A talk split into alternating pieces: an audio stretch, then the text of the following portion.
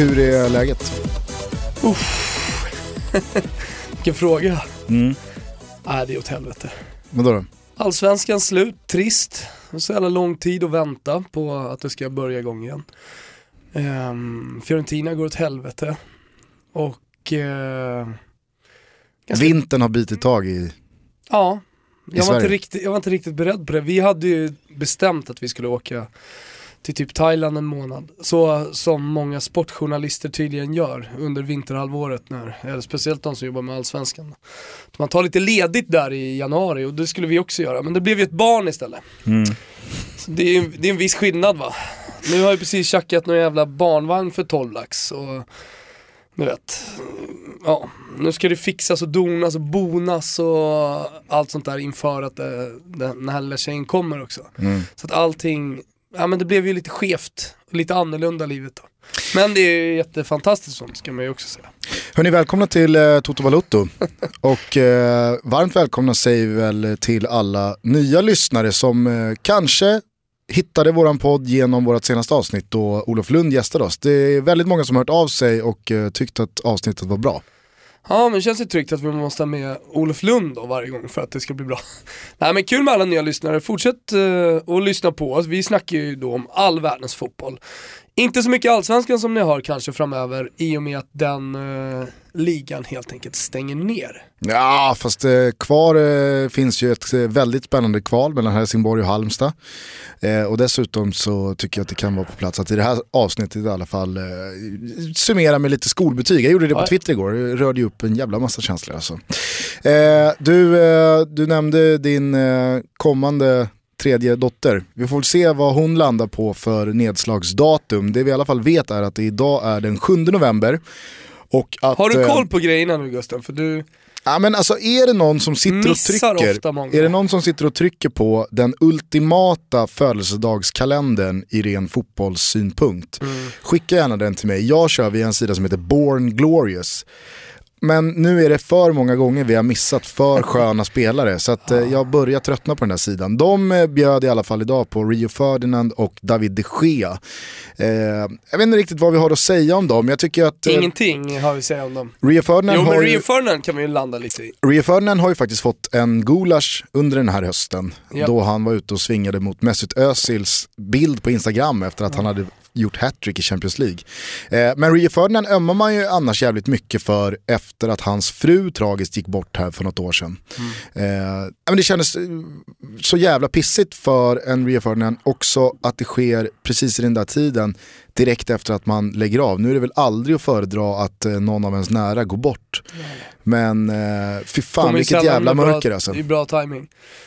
Ja det är ett mörker. Eh, idag fyller ju faktiskt, på tal om att missa då, du har missat två gubbar här, eh, bland annat Gigi Riva. Vänta, vänta, vänta. Eh, eh, jag, jag, måste, jag måste revanschera mig här känner jag. Eh, jag säger bara, det var jävligt pissigt. Eh, måste jag säga. Jag gillar Rio Ferdinand. Eh, han hade ju en tendens under sin karriär att alltid fira andra spelares mål som om det var han som gjorde mål.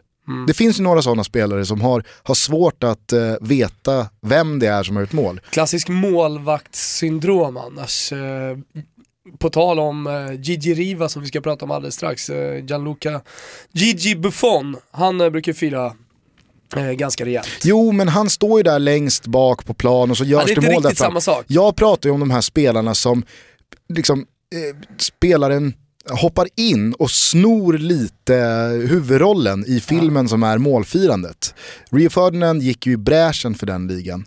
Eh, men som sagt jävligt tragiskt med hans fru. Jag ömmar mycket för Rio Ferdinand och det känns som att han har försvunnit mer och mer från eh, fotbollsscenen även liksom panditmässigt eh, i och med det där. Han, han syns och hörs väldigt lite, förutom när han då dissar Mesut Özils Instagrambild. Ja. Eh, om David de Gea finns det väl inte så jävla mycket att säga förutom att eh, han blev så bra som Sir Alex var jävligt övertygad om.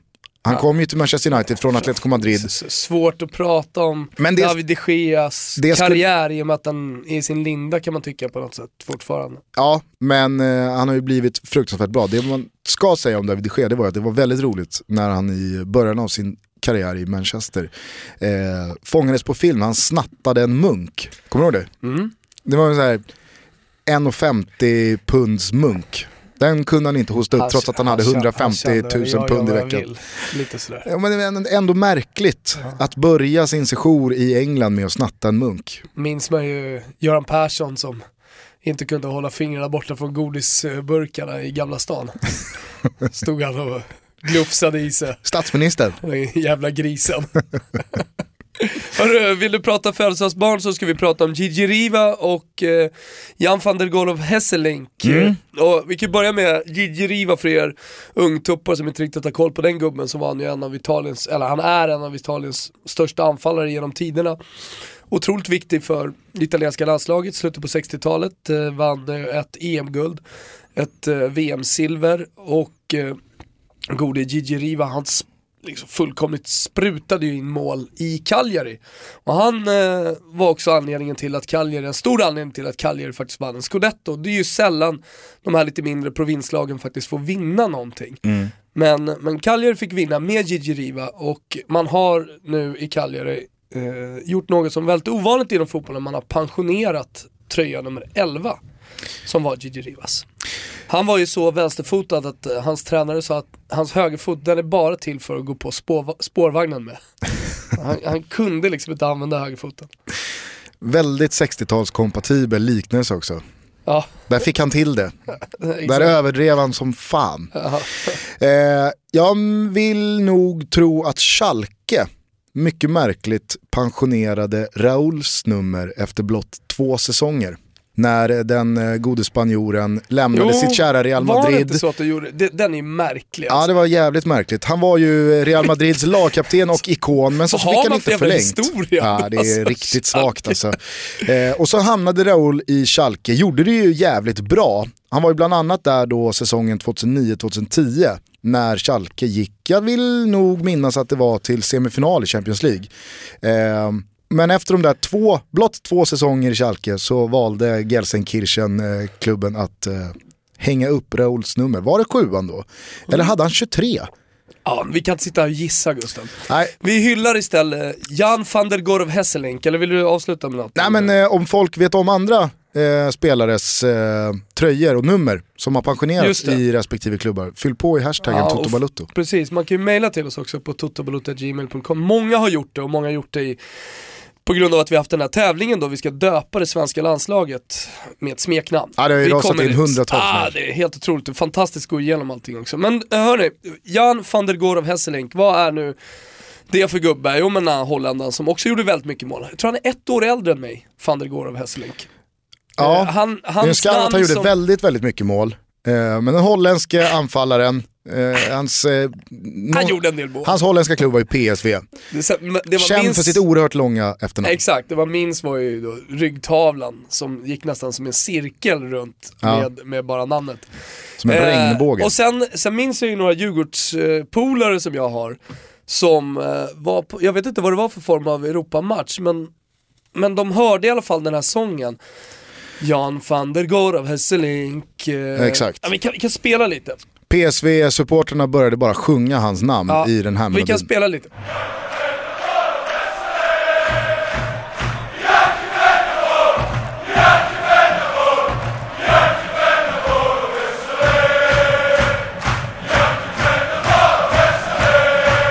Ja, eh, och då tyckte de att det lät som att Janne försvann igår från Hässelby, så då sjöng Djurgårdsklacken. Om det är någon som minns det här, djurgårdare som lyssnar på podden, så eh, bekräfta det gärna i hashtag Toto Men eh, då körde de Janne försvann igår från Hässelby. Janne igår från Hässelby. Mm. Roligt. Ja, väldigt eh, roligt och innovativt. Tegelsten, tegelsten, kylskåp, kylskåp. Och så har de den här alltså. Djurgården leder supportermatchen i eh, Toto Balutto. Djurgården har ju eh, överlag, tycker jag, ganska så hög fyndighetsfaktor på sina ramsor.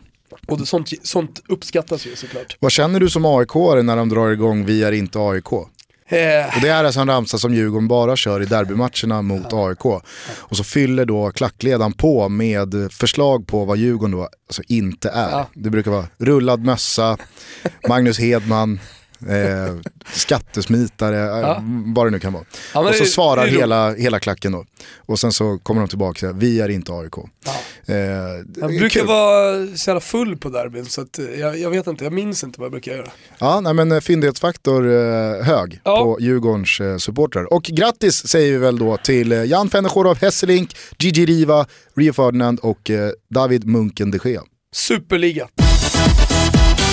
Sen några veckor tillbaka så brukar vi köra ett Europasvep. Vi turas om och den här gången så är det din tur igen att eh, lite recapa vad som har hänt ute i fotbollseuropa de senaste dagarna. Mm, exakt, och vi fokuserar på det breda och eh, de stora ligorna. Vi börjar den här veckan i Italien. Där alla pratar om Pjanic nyfunna frisparksform. La Maledetta på Pillovis satt i klykan. Kolla in det om ni inte har sett det. Annars är det Atalantas succé som är på allas läppar. Conti Gagliardini Caldara. Tänker sig att de föddes samma år i Bergamo, bara några kilometer från varandra. Och de har också vuxit upp tillsammans i Atalantas fantastiska ungdomssektion. Och nu jagar de Champions League-platser tillsammans, födda 1994. Håll koll på detta Atalanta, de har någonting stort på gång. Annars då? Jo, vi tar oss till England där det går trögt för Pep Guardiola som har fick kryss mot Middlesbrough. Efter att Toto Balotto skickat ut Mourinho att dö lejondöden undrar man ju när det är dags för Pep att själv dö. Uppåt värre på andra sidan stan alltså med Zlatan tillbaka i härlig målform, två baljer, ett för Pogba också. Det noterar vi eftersom jag har gått eh, i god för den gode fransmannen. Jag konstaterar också att vi pratar alldeles för lite om Chelsea och Liverpool. Gusten, låt det bli ändring på det. I Spanien vände Barca och vann borta mot Sevilla. På, Stark på, Ramon Sanchez Pizjuan. Ja, det fick Piqué att gå i taket och hylla sin lagkamrat och sa att Messi borde minsann ha vunnit Ballon d'Or sedan 2009. Varje år alltså. Man får fråga Piqué, tycker att Messi är en fantastisk fotbollsspelare. Atletico då, jo, de torskade på Anoeta i Atlantpärlan San Sebastian samtidigt som Real tog en plan enligt trea. Det var toppstriden, Svenskollen då? Jo, tänka sig Guidetti är i superslag inför VM-kvalmatchen mot Frankrike. Balja i Europa följdes upp med avgörande pyts mot Valencia igår. Kul med Guidetti-form tycker vi. Hamburgs kris är total. Nu befinner vi oss alltså i Deutschland. De har inte bara nått rock bottom, de har banne mig hamnat i ett brinnande helvete och ingenting verkar kunna ta dem därifrån. I toppen av Bundesliga, lyssna här nu för er som missat det. Jo, där har Leipzig nu nått ikapp Bayern München. Och det är en svensk som står i centrum av megasuccén. Emil Foppa Forsberg gjorde ett mål och assisterade till två när Leipzig vann. Och nu börjar man faktiskt drömma i staden, Gugge. Mm. det gör man.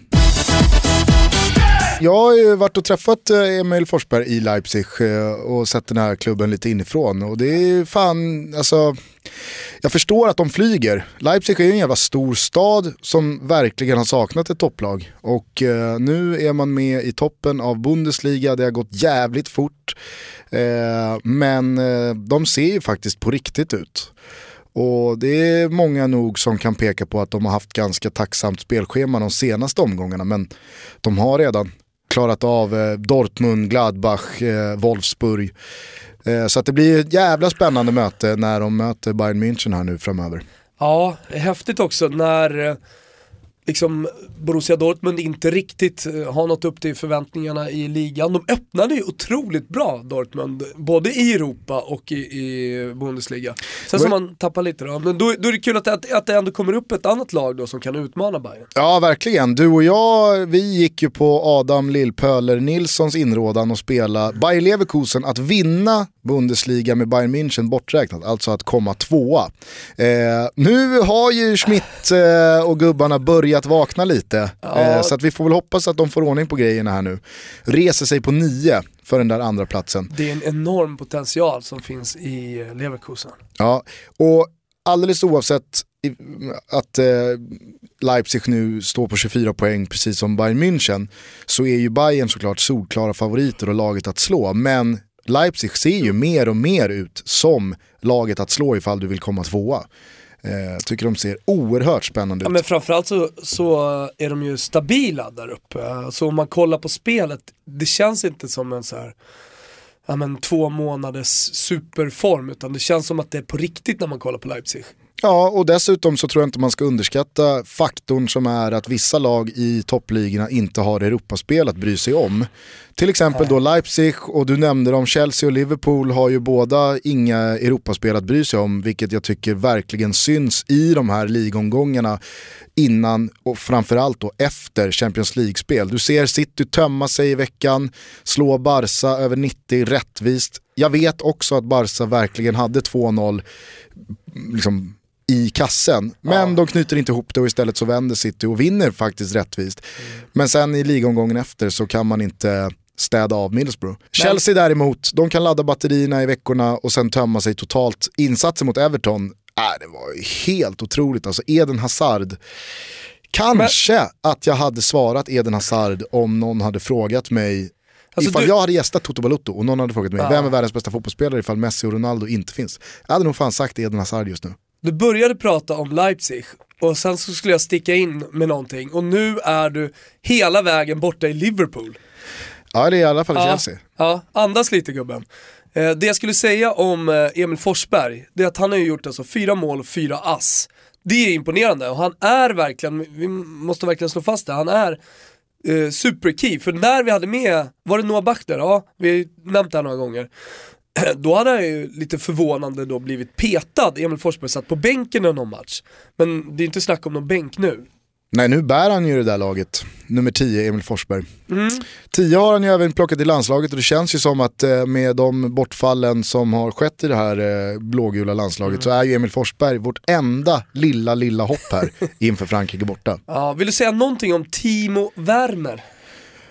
Alltså, han är ju en av de här spelarna som har varit med. Och det tycker jag att Leipzig har gjort jävligt bra. Det var ju många nog som trodde att eh, här kommer det värvas friskt som fan. Ja.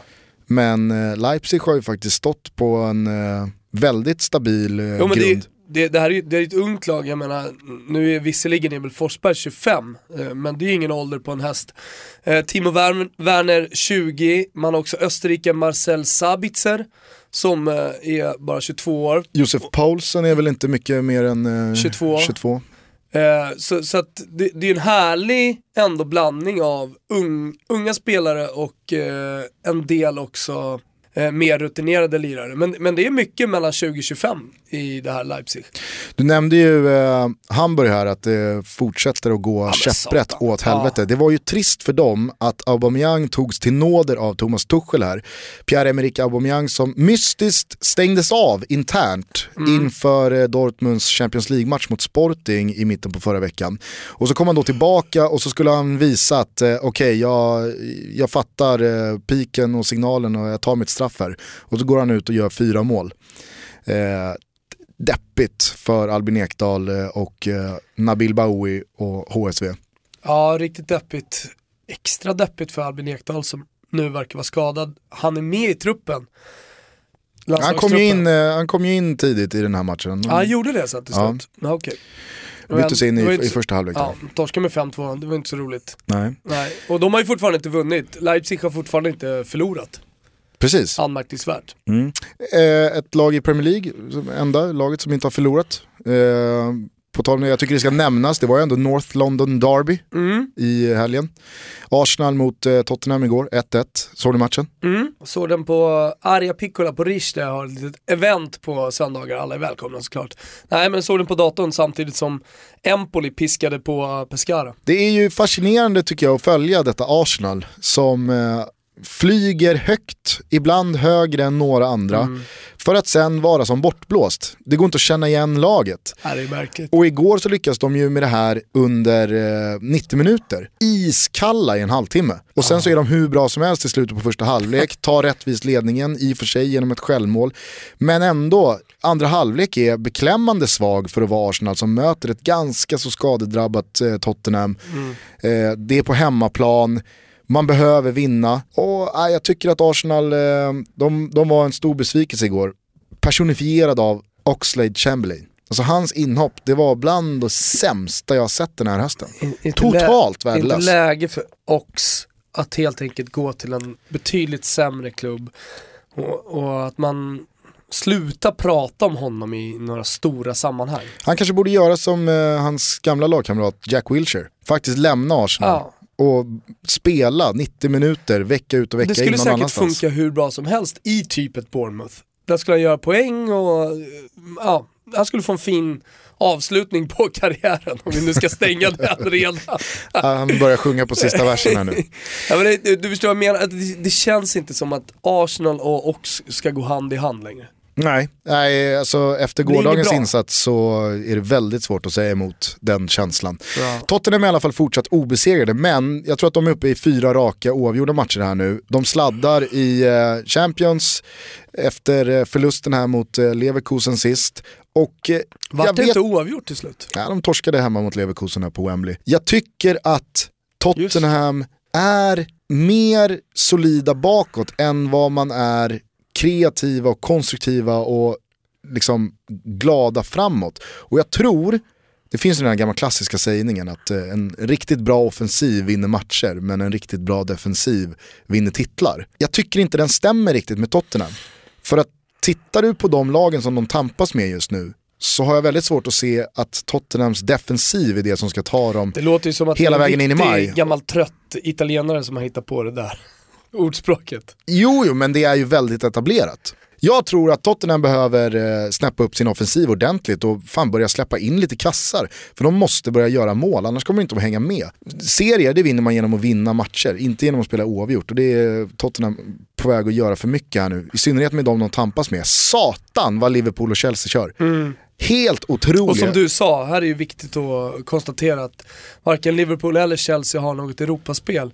Det är kanske för, för vissa, typ din brorsa och, och andra gamla fotbollsspelare, typ Glenn Strömberg, eh, inte påverkar överhuvudtaget då att man spelar Ja men till exempel sju matcher på 19 dagar. Utan eh, man är fotbollsspelare, man ska minsann vara glad, man får massage efter matcherna och man får god mat och allting. Så det är bara att återhämta kroppen hur snabbt som helst.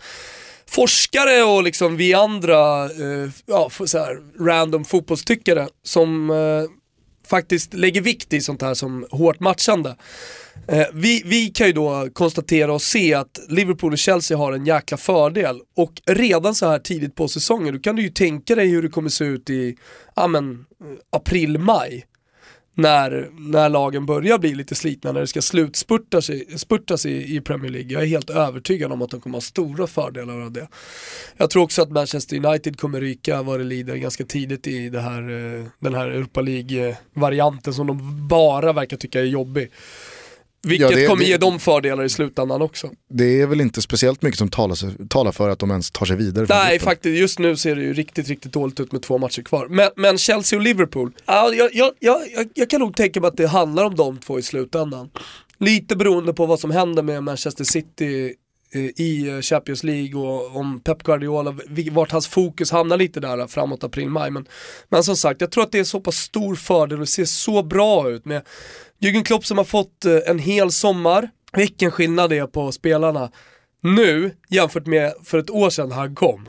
Med eh, den försäsongen som Brendan Rodgers hade gjort, den kan inte Jürgen Klopp varit speciellt eh, nöjd med. Nej. Eh, man det var ju många spelare som uttryckte, ah, men jag ska inte säga missnöje, men, men ah, de, de var trötta efter två veckor med Jörgen Klopp när han kom. Fick en del skador också där i, inledningsvis när, när Klopp kom. Men, eh, men som sagt, en hel sommar med Klopp, då flyger man. Jag tycker också det som imponerar på mig med Klopp framförallt, det är ju att han är så oerhört bra på att hitta positioner för spelare Mm. som de tidigare inte har spelat på. För att han vill ha vissa spelare i elvan. Och är det då att ja, men konkurrensen är för hård på den här, omöjligt. den här platsen, ja men då löser han en till. Mm. Det här kan ju då slå åt andra hållet, att det finns spelare som 99 av 100 tränare aldrig hade tagit utanför elvan. Eh, de kan faktiskt hamna på bänken under Jürgen Klopp. Och det här, syn, det här syns ju inte minst då kring Daniel Sturridge. Han får ju inte plats i Liverpools elva. Och vem kan säga att Klopp gör fel som har honom på bänken? För de sprutar in mål framåt. Mané, Firmino och Coutinho är ju en eh, trio där framme som är löjliga att kolla på. Han har hittat vänsterbackspositionen till James Milner. Han har dragit ner Lucas Leiva att spela mittback. Emre Can spelar återigen på mittfältet där han ska spela. Nej, jag tycker att eh, Klopp eh, har identifierat vilka spelare som han vill använda sig av och de är uppe på nivåer jag inte har sett dem tidigare. Jävligt eh, spännande att se hur Daniel Sturridge kommer agera i de kommande transferfönstren. Han kanske inte flyttar på sig redan i januari, men får han sitta på bänken vecka ut och vecka in här nu hela säsongen har ju svårt att se Daniel Sturridge kriga vidare i Liverpool, utan då, då flyttar han någon annanstans. Eh, det är jävligt spännande att se Liverpool som kanske inte är först Ja, på pucken, ju- men de spelar ju utan en central anfallstopp. Ja, men det blir ju unikt på ett sätt. De spelar ju precis som Pep Guardiolas lag har ett väldigt unikt sätt att spela fotboll på. Med mycket boll och sen så blivit rakare i Tyskland, i Bayern München och allt det där. Så, så kan man ju också se på ett lag när det är Jürgen Klopp som är tränare. Oavsett, om man sätter på dem vita tröjor och mössor eller på att säga. Så kan man nästan säga att det där är minsann Liverpool som spelar. För att de har så enorm press ju. Det, han, han för ju liksom gegenpressing till nya nivåer, eh, Jürgen Klopp man kanske ska hitta på något nytt ord för det han håller på med, men den, den energin liksom som, som Liverpool spelar med är ju, återigen klyschigt men roligt att se på. Ja. Det, är ju, det, det, det är ju frenetiska matcher liksom när, när, när Liverpool är på plan. Och det finns väl ingen som inte gillar den, den energin. Liksom. Vi kommer snacka mer Liverpool i ett avsnitt framöver här. Viktor Fagerström, kanske Sveriges bästa twittrare om just Liverpool, ska gästa oss. Eh, Inget datum bestämt, men det kommer bli väldigt mycket Liverpool och eh, Jürgen Klopp framöver. Eh, kort bara i Spanien där tänkte jag på ditt svep. Eh, Mhm. Det kanske går att härleda då Atletico Madrids förlust mot Sociedad också till det här tajta spelschemat för att eh, Diego Simeone är inte direkt känd för att rotera speciellt mycket i sina elver. Han eh, har sitt lag och de spelar han för att bästa lag ska vinna och Ja. inte tappa poäng. Och nu såg vi Sociedad som förvisso är hemmastarka men de vann ju rättvist. Ofta hemmastarka mot, och- mot just topplagen. Eh, Barcelona har haft det tufft där. Eh, vi kommer ihåg här för ett par år sedan, första lilla minikrisen för Luis Enrique var ju faktiskt efter en match mot just eh, Real Sociedad, förlorade med 1-0. Och eh, han hade satt Messi på bänken, Messi kom ju från skada och det här var ju inte Messi speciellt glad över. Nej. Så det, det hade haglat lite fula ord sades det. Och eh, folk spekulerade ju faktiskt där och då i Katalonien om att ah, men det, här, det här kanske inte kommer funka med Luis Enrique om han redan då hamnar snett med Messi. Men det löste han ju. Ja, det slutade väl med både ligaseger och Champions. League-triumf. Så den, den krisen den, eh, den, den var väldigt, väldigt kort. 90 minuter kan vi säga. Ja. Eh, sen så tycker jag bara man ska nämna de eh, två kontrakten som har kritats i eh, den spanska huvudstaden de senaste dagarna. Gareth Bale förlängde ju med eh, fyra eller fem år för några dagar sedan och eh, idag så offentliggjorde då Real Madrid att Cristiano Ronaldo har kritat på för fem år till. Och Utköpsklausul på vad? nej, fyra miljarder. miljarder Ja. euro eller något. Eh, nej men eh, Euro. som hon SD-kvinnan. 400 000 det. euro är alltså 40 000 miljarder kronor. Nej men eh, med det så känns det ju faktiskt som att Ronaldo kommer att avsluta sin karriär i Real Madrid.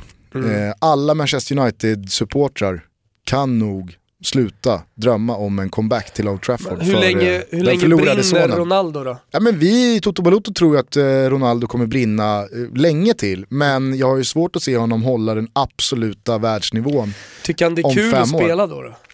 Jag vet inte, jag tycker bara att längden på kontraktet indikerar att eh, Ronaldo kommer ju Ja, inte ja. avsluta med två säsonger i Schalke, Nej, det kommer inte som andra ikoner med nummer sju i den klubben har gjort förut. Jag kollade Ronaldos stats för övrigt i morse. Mm. Vet du många, mo- han, har, eh, han har gjort 360 matcher, tävlingsmatcher för Real Madrid. Mm. Vet du hur många mål han har gjort på de här matcherna? 361.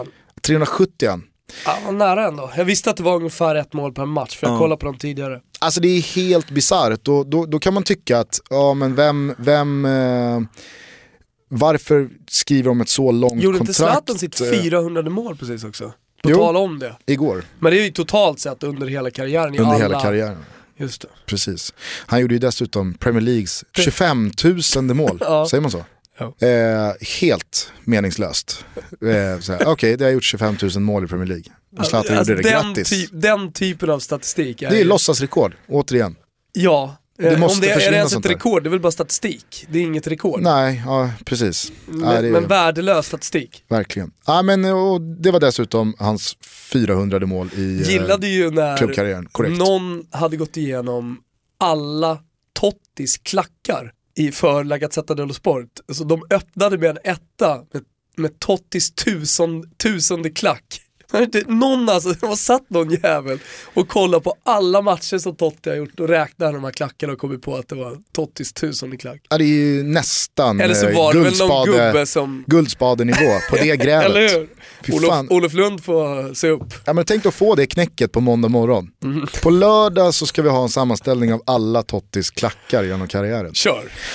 Ah, fy fan. Vi har Eh, VHS-band inne på arkivet. Ja, men är det mål, då kan du i alla fall spola fram till de minuterna. För att det, du ser i eh, resultatstatistiken när målen kom. Klackare, det, det gäller ju ögonen öppna i, i 90 plus tillägg. I 24 år. Kanske någon lyssnare då av Toto Balutta här skulle kunna uppdatera oss på Tottis klackar. Är det någon som kan sätta sig och kolla alla matcher? Det jag skulle säga i alla fall om då? Cristiano Ronaldos eh, stats, det är ju att okej, han må vara 31, han må vara på väg ut för åldersmässigt. Men har man de siffrorna, har man den fysiken han har, har man den statusen han har, alltså, så här, varför skulle han inte få belönas med det här kontraktet. Uppenbarligen så har de ju råd. Sen att det är helt sjuka jävla bizarra pengar. 750 000 pund i veckan! Det är ju, du, vet de här, du vet de här intervjuerna med eh, fotbollsspelare som kanske pikade på 80-talet och 90-talet. De får ju alltid den här frågan, liksom, kan du ibland gräma dig över att pengaboomen kom lite för sent för din karriär? Ja. Och så är det ju många då som, ja ah, jo men ah, nej. Ja, det, var, det, var, det var ändå jävligt roligt och jag har så jag klarar mig och sådär. Men de pengarna som är nu, jag vet inte, du är ju mycket mer marknadsekonom än vad jag är. Men tror du att det kommer fortsätta eskalera? Tror du att vi om eh, tio år Ja. har ännu högre löner till spelarna? Eller ser du att det kommer komma en dipp? Alltså, det är ju sådär man tänker. ju inte fortsätta. ti- Jo, klart det kan. Det är sådär man ser om bostadsmarknaden också. Jo, men förr eller senare kommer det dippa. Men det kanske stannar till lite men, men det går alltid framåt. Det blir alltid mer pengar. jag kan i alla fall säga att jag mer och mer börjar ömma för de här riktigt bra spelarna som stod i scen 1991. ja, och de vet. ser idag Ja. de här marginalspelarna göra Ian Rush. 400 000 i veckan. Ja, Det måste vara så jävla värdelöst. faktiskt. Och det finns spelare som sitter och inte gör en minut i lag som Manchester United. Sa inte Glenn Hysén nyligen att eh, när, han, när han fick kicken från eh, Viasat, att han var pank? Ja men det tror jag hade att göra med att man låser in hans ihoptjänade pengar tills han fyllde 55. Så att Ja, liksom, nu det lugnt, para fanns. Nu finns- och nu finns de. Nu, finns Parra eller? nu, är, nu är kontona upplåsta. Ja, Ja, men ta typ Bastian Schweinsteiger. Ja. Eh, inget ont om Schweinsteiger och hans karriär, han har ju gjort det fantastiskt. Men han sitter ju och lyfter VM. över två miljoner i veckan och är inte ens nära bänken i Manchester United. Det måste ju vara surt för Jesper Blomqvist idag. Ah, fast Jesper Blomqvist tjänade mycket deg, det var ändå slutet 90-talet. Det var mycket pengar, alltså Jesper Blomqvist har det bra. Du, du, du måste ju ta någon längre tillbaka i tiden om du ska referera till någon som har det lite tufft. Jag sa ju Ian Rush tidigare. Okej, han har det eh, säkert helt okej också men, men eh, det finns ju spelare som... ja, men- Torbjörn Nilsson. Ja, men, ja, ja, ja, men Torbjörn Nilsson valde ju aktivt att inte lira en, eller ha någon jävla proffskarriär. Robert Prytz, Robban, Robban Prytz. Robban Prytz, Mm. som ändå spelade Serie A-fotboll. Ja, men han, skulle Robban Prytz spelat idag så hade han ju varit eh, landslag, precis som han var där och då, och tjänat eh, 30 Ja, men- miljoner om året. 30 miljoner. Alltså Granqvist lyfter ju en bra bit över Jo. 30 miljoner per Jo men det är ju. Krasnodar. Ja. Alltså jag, jag skulle säga att en rimlig Serie A-lön idag är 10 millar per år. Mm. Men det är ändå 10 millar per år. Så säg att han skulle ha 5-6 år i proffslivet då, så kanske han, ja men säg att han kommer undan med 100 mils då, när, när, hade han haft när karriären var slut, eh, om han hade spelat idag. Ja. Nu har ju Robban, nu är ju inte Robban Prytz har inga pengar. Eller? Han, jobbar väl som rörmokare Jag, va? jag har ingen aning faktiskt. nej, Jag jag, tycker, han bor, kan, kan vi starta en hela sån här, vad heter det? Fundraise. Fundraise för Robban Prytz, kan vi inte göra det? Och det, jag vill inte att vi ska liksom spara ihop 500 000 eller någonting så här. Vi ska fan ha ihop 100 mil då till Robban Prytz. Den här fundraisingen ska, ska sprida sig. Ge Robban Prytz Det ni har. Ja, du var ju inne och pratade om ordspråk och klyschor och så vidare. Ge Caesar det som tillhör Caesar, helt enkelt. Och så byter vi ut då till Prytz. Ge Prytz det han förtjänar för fan. Ge Prytz det Prytz ska ha. Ja, exakt. Igår avslutades allsvenskan, i alla fall de 30 omgångarna. Det finns ju fortfarande ett kval mellan Helsingborg och Halmstad som stundar. Men eh, jag tog mig friheten att på Twitter dela ut eh, skolbetyg, i alla fall de skolbetygen som gällde när jag gick i skolan. Är du så pass gammal att du gick med tvåor, treor och fyror och femmor? Eller hade du MVG och VG och G? 4 och 1 Fyra och ett? snitt. Gick ut nian. Okej, ja, men det, det var liksom 1 till 5 skalan Yes. På din tid. Jag gick ju med MVG. Byttes till eh, VG, MVG när jag började i ettan i gymnasiet. Okej. Eh, nu är ju det A till F, tror jag betygen heter. Ja, jag har hört det. Men jag har inte riktigt satt mig in Det i hur är de ju där som det funkar. var, återigen då en gång i tiden var det ju A till F på 70-talet. Allt kommer igen. Allt kom i. Allt går i cykler. Okej, men kör. Jag satte i alla fall skolbetyg på de allsvenska lagen enkom utifrån deras allsvenska tabellplacering. Och det här rörde ju upp stormar. Många som eh, hade sina åsikter kring de här betygen. Jag delade i alla fall ut tre MVG'n och det gjorde jag till Norrköping som slutade på tredje plats, eh, till Kalmar som slutade sexa och Östersund som slutade åtta. Jag tycker inte det finns så mycket att säga om eh, att de ska ha högsta betyg. Norrköping avslutar säsongen egentligen med ett helt nytt lag, ny tränare, Förvisso så var det inte nära guldet eh, rent poängmässigt över 30 omgångar. Men man gör det, jag tycker man gör det otroligt bra. Kalmar tror jag ingen hade ens topp 8 inför den här säsongen. Man gör en alldeles strålande höst, spelar bra, eh, slutar sexa och Östersund som nykomlingar, nej, det, det finns inget annat än mycket väl godkänt. Man gör kanon. Malmö FF, de får VG plus av mig. Och det här var det många då... Vadå VG plus? Ja, men VG plus. Det Eh, finns inget som heter VG plus. Nej, inte i slutbetygen, men det kunde man få på prov. På prov kunde man få Okej. plus och minus. Eh, så det här är ju ett VG med mer smak. För jag tycker att för ett Malmö FF, för det här var ju då många himmelsblå som eh, opponerade sig emot på Twitter. Eh, de tyckte att hur kan man inte få MVG när man vinner serien? Ja, men det är ju för att Malmö hade ju, alltså Malmö hade ju fått IG om de inte hade vunnit guld. De, ska, de, de, de skulle ju vunnit i år. Så var det ju bara. Eh, nu gör man det med en poängmarginal på 6 poäng ner till AIK och man gör i slutändan en väldigt bra säsong där man visar att man är Sveriges bästa lag. Men för att Malmö ska få MG då tycker jag att det ska vara mer eh, defilering. Det ska ju vara mer propagandasegrar och kanske 10 poäng, 12 poängs avstånd. Jag tycker ändå Malmö gör det tillräckligt bra för att få... Shit vilka krav det är på Malmö alltså. Men ska man inte ha det då?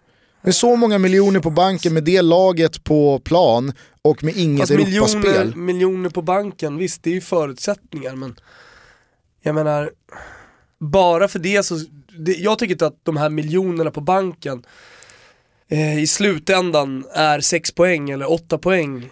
Fast med de miljonerna på banken så har du ju alla förutsättningar i världen för att Nej inte förstärka. alla förutsättningar i världen. Nej men du har det väldigt är bra, inte så jävla lätt att vara, alltså så här, men du har i väldigt bra europeiska mått förutsättningar. mätt inte jätterika, snarare då har ganska lite pengar i förhållande. Jo, men att vara jätterika i Sverige. För vad är det de här, vad är det de överlägsna lagen brukar göra? Om du tar till exempel Bayern München. Jo, de eh, suger upp varenda supertalang som finns i Tyskland. Det spelar ingen roll vilken eh, akademi de kommer ifrån. Och det spelar ingen roll heller att det finns en rivalitet, till exempel som med Dortmund, där man har tagit både Hummels och Götze. Ja det behöver inte ens vara talang utan det är ju etablerade. Ja, till och med etablerade spelare. Jag menar så här, visst, det, jag menar skulle, skulle Malmö kunna göra det, då kan jag säga att de här miljonerna på banken verkligen gör skillnad.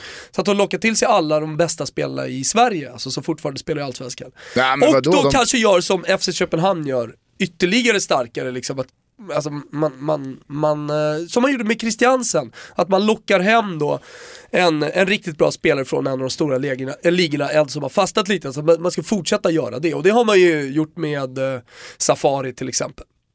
Eh, Man löser dessutom Eikrem och Berget. Ja, och... ja nej men absolut. på ett sätt som ingen annan klubb i Sverige kan och har råd med. Sen så håller jag med dig absolut om att Malmö kan inte, hur mycket pengar de än har, plocka Alexander Isak. Eh, de kan inte plocka IFK Göteborgs bästa spelare, de kan inte plocka Elfsborgs bästa spelare för att de skulle inte vilja gå dit. Eh, men med så fet plånbok i relation till de andra lagen så har ju Malmö inga ursäkter till att inte ha ett lag som ska vinna SM-guld. Det kan du inte säga emot. Jag måste, jag måste bara säga om Malmös sista match där, de gör ett kanontifo. Jag vet inte om du har sett det, Jo. det, det kanske kommer pryda omslaget till det här avsnittet. Men eh, jä- jättefint eh, och eh, dessutom ett härligt budskap. Det stod eh, serie, lätt seriens bästa lag.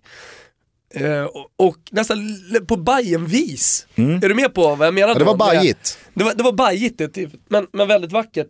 Också att Rosenberg får göra de två sista målen. Mm. Det, det blir också någonstans, tycker jag i alla fall, eh, körsbäret på tårtan för Malmö FF. Att avsluta säsongen med två Rosenberg-mål. Ja, Jag tycker att Malmö FF kan klappa sig själva på axeln och eh, segla i hamn med VG+. Vilket inte är ett dåligt betyg, men det är inte MVG. För jag tycker att nej, MVG för Malmö, då, då ska det ha varit lite, lite bättre. Det finns ingen spelare i hela allsvenskan som är ett lag så mycket som Rosenberg är Malmö FF. du försöker hämta hem eh, Nej. hatet från Malmö-supportrarna från i inte. Det här är inget smör. Men okej, hitta en spelare då, som är ett lag mer än vad Rosenberg är. Eh, Sebbe Eriksson i Blåvitt. Nej, inte mer än Rosenberg. Aldrig. Nej, okej. Han är ju såklart blåvitt och sådär också, men inte, inte, inte så mycket som Rosenberg är. Jag tycker att AIK får ett VG+, Mm. för att man gör en eh, liksom, jättebra säsong från att Norling kommer in. Eh, man är ändå med fram till omgång 28 på guldet. Alltså det är Eh. nästan så att man får sätta två betyg på AIKs säsong och det kanske man får göra på Djurgården och på Hammarby, höll jag på att säga inte på Hammarby, men Djurgården som har bytt tränare. Ett betyg på Alm och ett betyg på Norling. Ja, fast jag tycker ändå AIK, över 30 omgångar tabellmässigt, man kommer tvåa. Nej, de, de ska ha VG+. Undrar vad de sätter för betyg på sig själva då eftersom man hade målsättningen att vinna guld. Ja, ja det vore kul. IG. Nej men Rickard Norling sa faktiskt på presskonferensen igår att vi är stolta över eh, andra platsen. Okej. Så att eh, helt missnöjda verkar de man inte vara. den, då ändrade man eh, målsättningen då under säsongen eller? Ja, eller hur det nu var med den här målsättningen. För den enda som sa att det var målsättningen från styrelsen, det var ju Alm. Jag kan inte minnas att styrelsen gick ut och liksom backade upp det citatet och sa ja, så är det. Utan det var ju väldigt mycket liksom, märkliga turer där. Eh, jag gav i alla fall också VG till Blåvitt och det här rörde upp många IFK Göteborg-supportrar som skrev till mig då, hur fan kan vi få VG när vi kommer fyra? Fast jag vill ju tro att det är inte så många utanför IFK Göteborgs supporterskara som jag tror hade IFK Göteborg i en absolut guldstrid eller i ens en topp tre-strid inför den här säsongen. Man kommer fyra, man är stabila hemma, men mer liksom hade jag inte om eh, Göteborg inför den här säsongen. Jag tycker man, man, man har Elfsborg bakom sig, eh, man är stabila på Gamla Ullevi. Jag trodde absolut inte att IFK Göteborg skulle ha med någon liksom, guldstrid eller topp 3-strid att göra. Så att, eh, bra gjort Blåvitt, även fast det kanske smärtar för IFK, eh, IFK Göteborg-supporten att få ett VG när man kommer fyra. Sen så, eh, vi behöver inte dra alla, jag kan lägga ut den här hashtaggen, men jag ger icke godkänt i alla fall. Jag vill ha det som sticker ut Gustav. Ja, icke godkänt till Häcken som med eh, sin plånbok och med sina Men den är förutsättningar. öppet mål på va? Ja, alltså kanske. Nej men jag menar, det, det, det, är väl ganska, vi pratade med Olof Lund om det förra, förra veckan också, men att, att Häcken inte då förvaltar alla de här pengarna som man har på ett bättre sätt. Eftersom vi var inne på samma spår vad det gällde Malmö FF, eller Ja. hur? Så, Ja, så nej, men, det eh, går det inte att sätta något annat än, än icke godkänt. Nej, sen så ger jag såklart icke godkänt hur det än går i det här kvalet till Helsingborg. IG också till eh, Gävle som är alldeles för dåliga under en stora Ja, delar åker av man säsongen. ur så får man väl det va? Nah, alltså hade, hade Falkenberg åkt ut med nöd och näppe sin första säsong i Allsvenskan 2014, Ja. då vet jag inte riktigt om jag hade kunnat säga liksom icke godkänt. Men Nej. så som de åker ur i år så Ja. får de också icke godkänt för de checkar ju ju- ur är- och de är för dåliga. Det är pinsamt att avsluta som de Ja. gör. Eh, med totala, liksom, eh, vad slutar de på? 70 insläppta, 80 insläppta. Alltså Ja. det är alldeles för dåligt. det finns ju några publiklag, Bayern får G av mig eh, och Djurgården får G+. Alltså Djurgården slutar ändå sjua. Det är fan otroligt alltså. Så jävla risigt som det såg ut i somras och så slutar de sjua. Och Bayern då som inte agerade, ja, de blev eh, elva. En sak som man inte får glömma bort är att Malmö har bytt tränare. Och eh, det tar ett tag, oavsett vilken nivå det är, innan det blir riktigt bra. Och innan att man sätter alltihopa, så att det kanske inte var så konstigt att det hackade lite i början. Kom ihåg att Malmö FF på träningsmatcherna, där har vi också snackat om, man, man spelade väldigt offensivt. Och sen så har ju Allan Kuhn liksom vridit och vänt lite på, på det här Malmölaget. Och till slut har fått, uh, fått rejäl ordning på det. Så att uh, det gör, tycker jag, det faktum att man byter tränare, gör att ja, men, man får ändå högsta betyg, man får ändå MVG när man vinner allsvenskan med 6 poäng ner till tvåan. Ja, det handlar ju om det, nyanser. det är, dessutom en, det är dessutom en tvåa som går ut med målsättningen, om man gjorde det eller inte får ju tvista. Men målsättning i alla fall att vinna guldet. Många supportrar också, jag skulle säga det stora delen av supporterskaran eh, var ju bara inställda liksom, på en guldstrid. Ja, nej men som sagt, mellan VG plus och eh, MVG så är Ja, det, det är nyanser. nyanser. Jo ja. men viktiga nyanser tycker jag ändå. Ja, okej. Mm. Eh, håller ni med eller inte? Eh, spela in er själva i diskussionen så eh, stänger vi allsvenskan 2016 och eh, bara väntar in kvalet nu mellan Helsingborg och Halmstad. Ah. I förra avsnittet så hade vi lovat att vi skulle avgöra den här tävlingen. Det svenska landslagets smeknamn och Mm. eh, dela ut Leonard Jägerskiöld Nilssons eh, fotbollens heraldik med Olof Lund som domare. Men tiden drog iväg och vi kände att vi hade sånt jävla bra flyt och det var sån eh, härlig stund med Ja. Olof samtalsmässigt att eh, vi eh, sköt helt enkelt upp den här tävlingen. Och eh, ja, men ska du bara berätta lite kort här, det har ju rasslat in hundratals mejl till är- totobalutta.gmail.com. det har det tveklöst gjort. Många har ju gått på det afrikanska spåret att eh, köra djur och med nå- något slags styrkeord också. Vi minns ju då tillbaka Algeriet som kallar sig själva för ökenkrigarna. Eller Libyens landslag som är medelhavsriddarna. Sen finns ju en, en hel del andra sköna afrikanska länder. Vi har ju kopparkulorna Mm, Zambia. från Zambia. Och sen så såklart de, de stora drakarna, alltså Super Eagles, Nigeria, de otämjbara lejonen, Kamerun, eh, du har Bafana Bafana, alltså grabbarna från Sydafrika, Black Stars, Ghana, elefanterna, Ja, så vidare. Det här har ju då inspirerat och eh, vad har vi för nordiska djur egentligen? Ja men vi har rådjur och vi har järvar och Framförallt så har vi- lodjur. älgen är ju ett go-to-djur här för väldigt många tävlande. Ja, men jag, jag kan också säga att alla nordiska djur har ju kommit på tal. Till och med isbjörnen som inte finns här i Sverige har, eh, har studsat upp. Ja, och du har ju i det här landat i att eh, liksom blåsa av jakten på det perfekta smeknamnet. Ja, Ty det alltså- inte finns. fantastiskt arbete och vilken fantasi. Och med tanke på hur mycket tankekraft i det här landet som har gått åt att försöka hitta ett, ett smeknamn och det faktiskt inte har kommit ett enda bra alternativ. Det tyder på att ja, men det går inte att hitta ett bra smeknamn. Och vi har kört blågult, det är ju någonting som liksom ändå har funnits lite kring det svenska landslaget. Så det jag tycker att vi gör, Gusten, det är att vi stärker det här ytterligare. Vi stavar blågult med stort B, vi liksom befäster verkligen blågult kring det svenska landslaget, alltså som, som det enda smeknamnet som ska finnas. Eller? Ja, alltså jag tycker det är trist. Eh, framförallt så blir det ju sån Jo, pyspunka men på det- hela tävlingen. Okej, Eh, jag tycker ändå att vi ska lyfta... Eh, jag tycker att lyssnarna får liksom ta det till sig. Vi, vi, vi, vi tar några alternativ då, så får vi se hur det landar. ja, men det har ju bland annat då, alltså det har ju kommit in väldigt många svaga. Det ska vi- Karolinerna, Karolinerna, The Invisibles, inte The Invincibles utan The Invisibles, alltså de osynliga. De järva järvarna, eh, alltså det finns ju hur många som helst. Eh, vikingar har vi några, Gustavianerna, ja, gustavianerna. Jonathan Henriksson, han eh, lanserar ju bara Svea. Eh, Jag tycker att det, det finns någonting i det där, men eh, jag vill i alla fall, och du också, vi vill ju uppa Erik Boldén. Ja, Erik Boldén, helt klart. Han har ju då hittat eh, namnet Gulo Gulo, som alltså är järv på latin. Ja, fantastiskt. Och inte bara så är det ju väldigt Afrikaklingande, Ja. trots att det är latin. Ja. Utan det är ju dessutom också då gult, som alltid är huvudfärgen på Ja. landslagets hemmatröjor. Eh, och det betyder då järv som är ett nordiskt svenskt eh, ja. djur. Så att det finns ju mycket i namnet Gulo Gulo som jag gillar, som Mm. jag tycker ska premieras. Så vi kan väl säga så här att Erik Boldén vinner boken och tävlingen.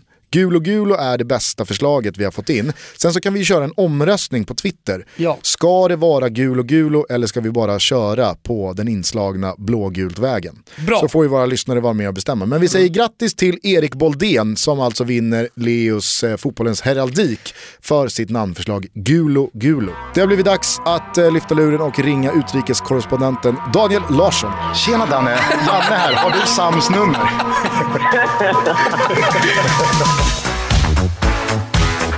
Daniel Larsson dunkar in 2-0.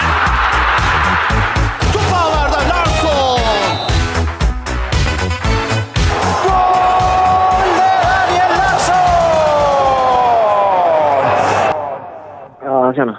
Har vi nått Sveriges eh, 49 sexigaste man? Vilken plats var det, sa du? 49. 49. Ja, är du nöjd eller missnöjd med den? Ja, det beror på vem jag har fått den. Ja. Nej, du får den av oss. Eh, ja, jo, men det får jag väl vara rätt nöjd med ändå. Övre halvan på topp 100 för fan. Topp 50 liksom. Exakt. Ja. Hör du, eh, kort bara, helgens match vart ju riktig jävla holmgång mot eh, Wagner Loves eh, Alanyaspor. Du kom in tidigt från eh, bänken. Hur summerar du matchen? Eh, ja, det var händelserik om inte annat. Och jävligt mycket Hawaii. Och vi eh, kunde väl inte riktigt knyta till säcken tyvärr. Gör man tre mål så ska man i alla fall få med sig poäng tycker jag. Ja, speciellt på bortaplan va? Mm. Jag tycker. Hur var Wagner räcka, Love då? men, eh, eh, han är fortfarande rätt fin alltså. Han har inte så mycket hår kvar längre och eh, kanske inte springer mest på plan, men eh, ändå... Alltså... um, det finns ju en anledning till att han har spelat på högre nivå. Rastan har försvunnit av naturliga orsaker alltså. Ja, så är det. Finns ju fler i eh, den här eh, trion som eh, borde tänka som Wagner Love kan jag känna. I den här turen. Av dig, mig och Thomas. Du behöver inte känna dig träffad. Nej, Gusten tycker att jag Nej, det borde gör raka jag mig. fan inte. Jag tycker jag gör vad jag kan. Så är det. Ja, eh, du, jag bara tänkte på en sak när vi pratar om Wagner eh, Love här. Jag, man, får, man får bara lust att säga Wagner Love. Hur som helst, eh, det här med att byta tröjor. Gör man det i Turkiet? Alltså, Gör du det? Samlar du på bytta tröjor eller hur, hur tänker du kring det? Nej. Nej, jag gör det om jag får någon beställning ofta. Från vänner. Skulle man kunna Annars beställa så- en tröja då eller? Ja, du kan ju ge det ett försök i alla fall. Så eh, vissa, vissa gånger... Jag har väldigt svårt att komma ihåg det under matchen, men... eh, Ja. Men vi kanske ska tänka ut någon då som, som man verkligen, verkligen vill, vill ha. Du, det var ju många som, eh, det är många som har reagerat Danne, nu när det har varit stökigt i Turkiet. Och eh, de har stängt ner eh, Twitter, de har stängt ner hela internet, eh, vi har pratat om det här, det har varit ja, men, till och med svårt att ringa till dig i, i stunder. Hur tänker du kring januarifönstret? ja, jag tänker väl ungefär likadant. Jag hoppas ju på att någonting kan hända i alla fall. För min egen del. Ja. Men, Får du hjälp i det, i det eller? Ja, det... Det får man. Eller ja, det, jag har inte fått det än. jag hoppas väl att det ska, att det ska innebära det. Eh, vi, vi hade ju med oss Olof Lund förra veckan och han har ju en intervjupodcast. Och eh, han, han sa i alla fall att han var väldigt, väldigt eh, nyfiken på att, eh, ja, han var nyfiken på dig och ville ha med dig i sin podd. Jag vet inte om Gusten har, har, har han skickat numret eller Ja, har han ringt? Det, ja, nej, det vet jag inte. Men jag har förstått det att, eh, att han inte tog avstånd från det i alla fall. Ja, det hade varit mäktigt men ifall nej, han hade sagt haft- nej Jag har tack. inte haft någon kontakt med honom ännu. Ah, Okej, nej men det är bra. Eh, en, en annan grej som jag vill fråga, det är ju det här med att Sam har kommit med i landslaget igen. Mm. Hur, hur mottogs det då från familjen Larsson? Var det tårta? Nej, alltså vi... Eh, jag, jag förväntade mig väl det i alla fall. Eh, och det tror jag nog Sam gjorde också. Eh, Sen är det klart, det, det händer ju mycket saker på en månad. Men eh, det, det kändes väl ganska, återigen, rätt och välförtjänt tyckte jag. Jag kan ju bara fylla på där med, eh, Olof Lund hade ju en tanke om att han skulle åka till Göteborg då kring jul. Men eh, det verkar ju som att Danne blir kvar. För att den eh, turkiska kuppen, denna härliga turnering, har ju spritt ut sitt eh, gruppspel över helgerna. Du, kändes måttligt road av eh, den turkiska kuppen här nu Danne. När det pratas juletider. Ja, det fanns väl färre dagar på ett år som man kunde lä lägga den på för att göra mig mer arg tror jag. Det är inte så att du går, går omkring och sjunger det- vinnarcupen där nere? Ja, men det, det är ju typ omöjligt. Du ska ju vinna typ 27 matcher för att vinna cupen. Ja, det är som en Det- säsongsutspridd liksom- Gothia Cup. Ja, ungefär. Det är som en andra liga, mer eller mindre. Trist. Ha det bra Danne. Bra, bra. Ciao. Hej. Gulasch och eh, schnitzel ska delas ut senare i veckan. Du ska eh, skrapa ihop till två riktiga jävla superschnitzlar och eh, gulaschslevar att eh, dela ut. Så att, eh, sitt i båten och vänta på dem eh, tills om några dagar. Det är ju landslagsuppehåll eh, nu. Eh, årets sista VM-kvalrunda spelas i helgen. Sverige har Frankrike på bortaplan och vi har redan fått eh, tre eh, ganska så jobbiga avbräck från eh, mer eller mindre ordinarie spelare. menar, mm. Martin Olsson, Lustig och Berg out. Ja, ja, det, det är ju, alltså jag ska säga så här, Marcus Berg är ju jätteviktig. Martin Olsson är ju mindre viktig med tanke på det överflödet Golo Golo har på, eh, på vänstersidan. Hur känner du när du säger det så här en, en Jag mening? ska nog säga Gulo Gulo Ja. istället. Jag körde mer latinska Gulo Gulo. Det är också härligt, det, låter lite mer, det känns lite mer afrikanskt att köra Ja. Gulo Gulo. Men, eh, nej men Gulo Gulo, jag tycker förutsättningarna är bra faktiskt. Eh, med Emil Forsberg i toppform, Sam Larsson som kommer in i laget tycker jag ska bli väldigt spännande, inte bara för att eh, han är bror till utrikeskorrespondenten. Jag tycker att det ska bli spännande, en härlig debut att följa i alla fall. Och eh, John Guidetti då som har hittat eh, lite målform här på slutet. Så att, jag menar, det finns ändå positiva saker. Jag vill dock se att Albin Ekdal är, är hel och ren inför det här mötet för jag tycker att han är så otroligt viktig för vårt mittfält. Han håller ihop det. Det som är positivt är ju att det verkligen inte finns någonting att förlora. Alltså torskar vi den här matchen med 4-0 så går det inte att säga någonting. Vi ska torska den här matchen med 4-0. Man kan Så därför det. ska det bli väldigt spännande att se hur Janne förhåller sig till det i sin startelva. Om han då går för att eh, banka 0-0 så länge det bara går eller om han faktiskt eh, möter upp med då offensiva inslag. Lex till exempel då Sam i elvan. Eh, har han tagit med Jakob Johansson för att sätta honom på bänken eller har han tagit med Jakob Johansson för att spela honom från start? Det blir också väldigt intressant att se. Och sen nu de här eh, problemen på ytterbackarna. Jag menar, blir det Ludvig Augustinsson eh, till vänster eller blir det Emil Kraft till höger? Det kan ju bli den här övningen som du gillar med en mittback ute till höger. Ja, Nilsson Lindelöf har ju spelat på den positionen tidigare och vi har ju också sett då, har väl inte undgått någon Toto, Toto Balotto-lyssnare att Ponne är i ruggig form. Så jag menar om vi kör Ponne i, i mitten då tillsammans med eh, Granen och så kör vi Nilsson du- Lindelöf Jävlar vad du satte det där ponnet. Tycker jag ändå liksom är så pass bra just nu att han faktiskt eh, borde spela. Eh, ja, men, eh, jag tycker att eh, det, det, det är bara liksom se fram emot den här matchen. Ja. Hoppas att Gul och Gul och går ut på Stade de France och, och ja, men, gör oss stolta.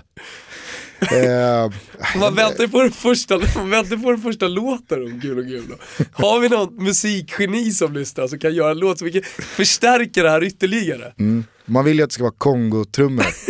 ja, verkligen. Eh, Kongotrummor, panflöjt kanske borde användas också. Ja. Ja, det blir i alla fall jävligt spännande. Matchen spelas på fredag kväll och eh, vi gör så att vi eh, avslutar det 23 avsnittet av Toto Balutto. Är det någon som vill oss någonting så är det bara mejla på totobalutto.gmail.com. Annars så kan man hänga med oss mellan avsnitten både via Twitter, Instagram och Facebook. ja, och gå gärna ut nu i detta vinterlandskap och ta bilder på vinterhärliga Andys fruktlastbilar. Fruktgrossisten, inte bara delikatessgrossisten Andys frukt, alltså de är ju runt om eh, vår kära stad här uppe i Stockholm. Kanske också ute i landet och levererar varor. Upp med bildkamerorna och skicka in bild. Och så kan ni också ladda ner Radio Plays app eh, där ni bland annat kan lyssna på både poddar och eh, fenomenala radiostationer såsom eh, Mix Megapol och Svensk Pop. Eh, nu avslutar vi det här avsnittet med Hej mitt vinterland och eh, så säger vi till alla er underbara människor som lyssnar. Ciao tutti! Ciao tutti!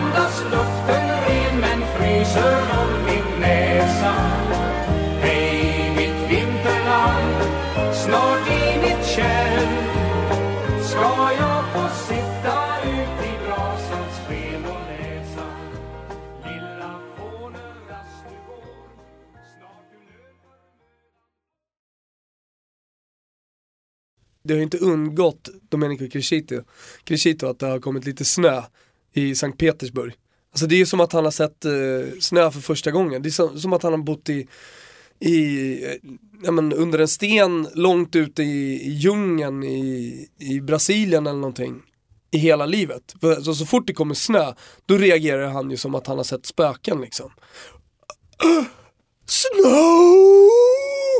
Hundra utropstecken, snögubbar. Snow! Det, det, det, är, han, det måste ju vara något fel på honom, eller?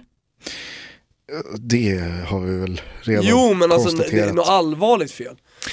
Han pushar i alla Good fall, eh, night. han, man pushar 100 000 här nu, 95,1. Ja, det är helt otroligt alltså. Det är faktiskt helt ofattbart. Jag kan tror han tar sig igenom 100 000 taket Tror innan du det? eh, nyårsafton.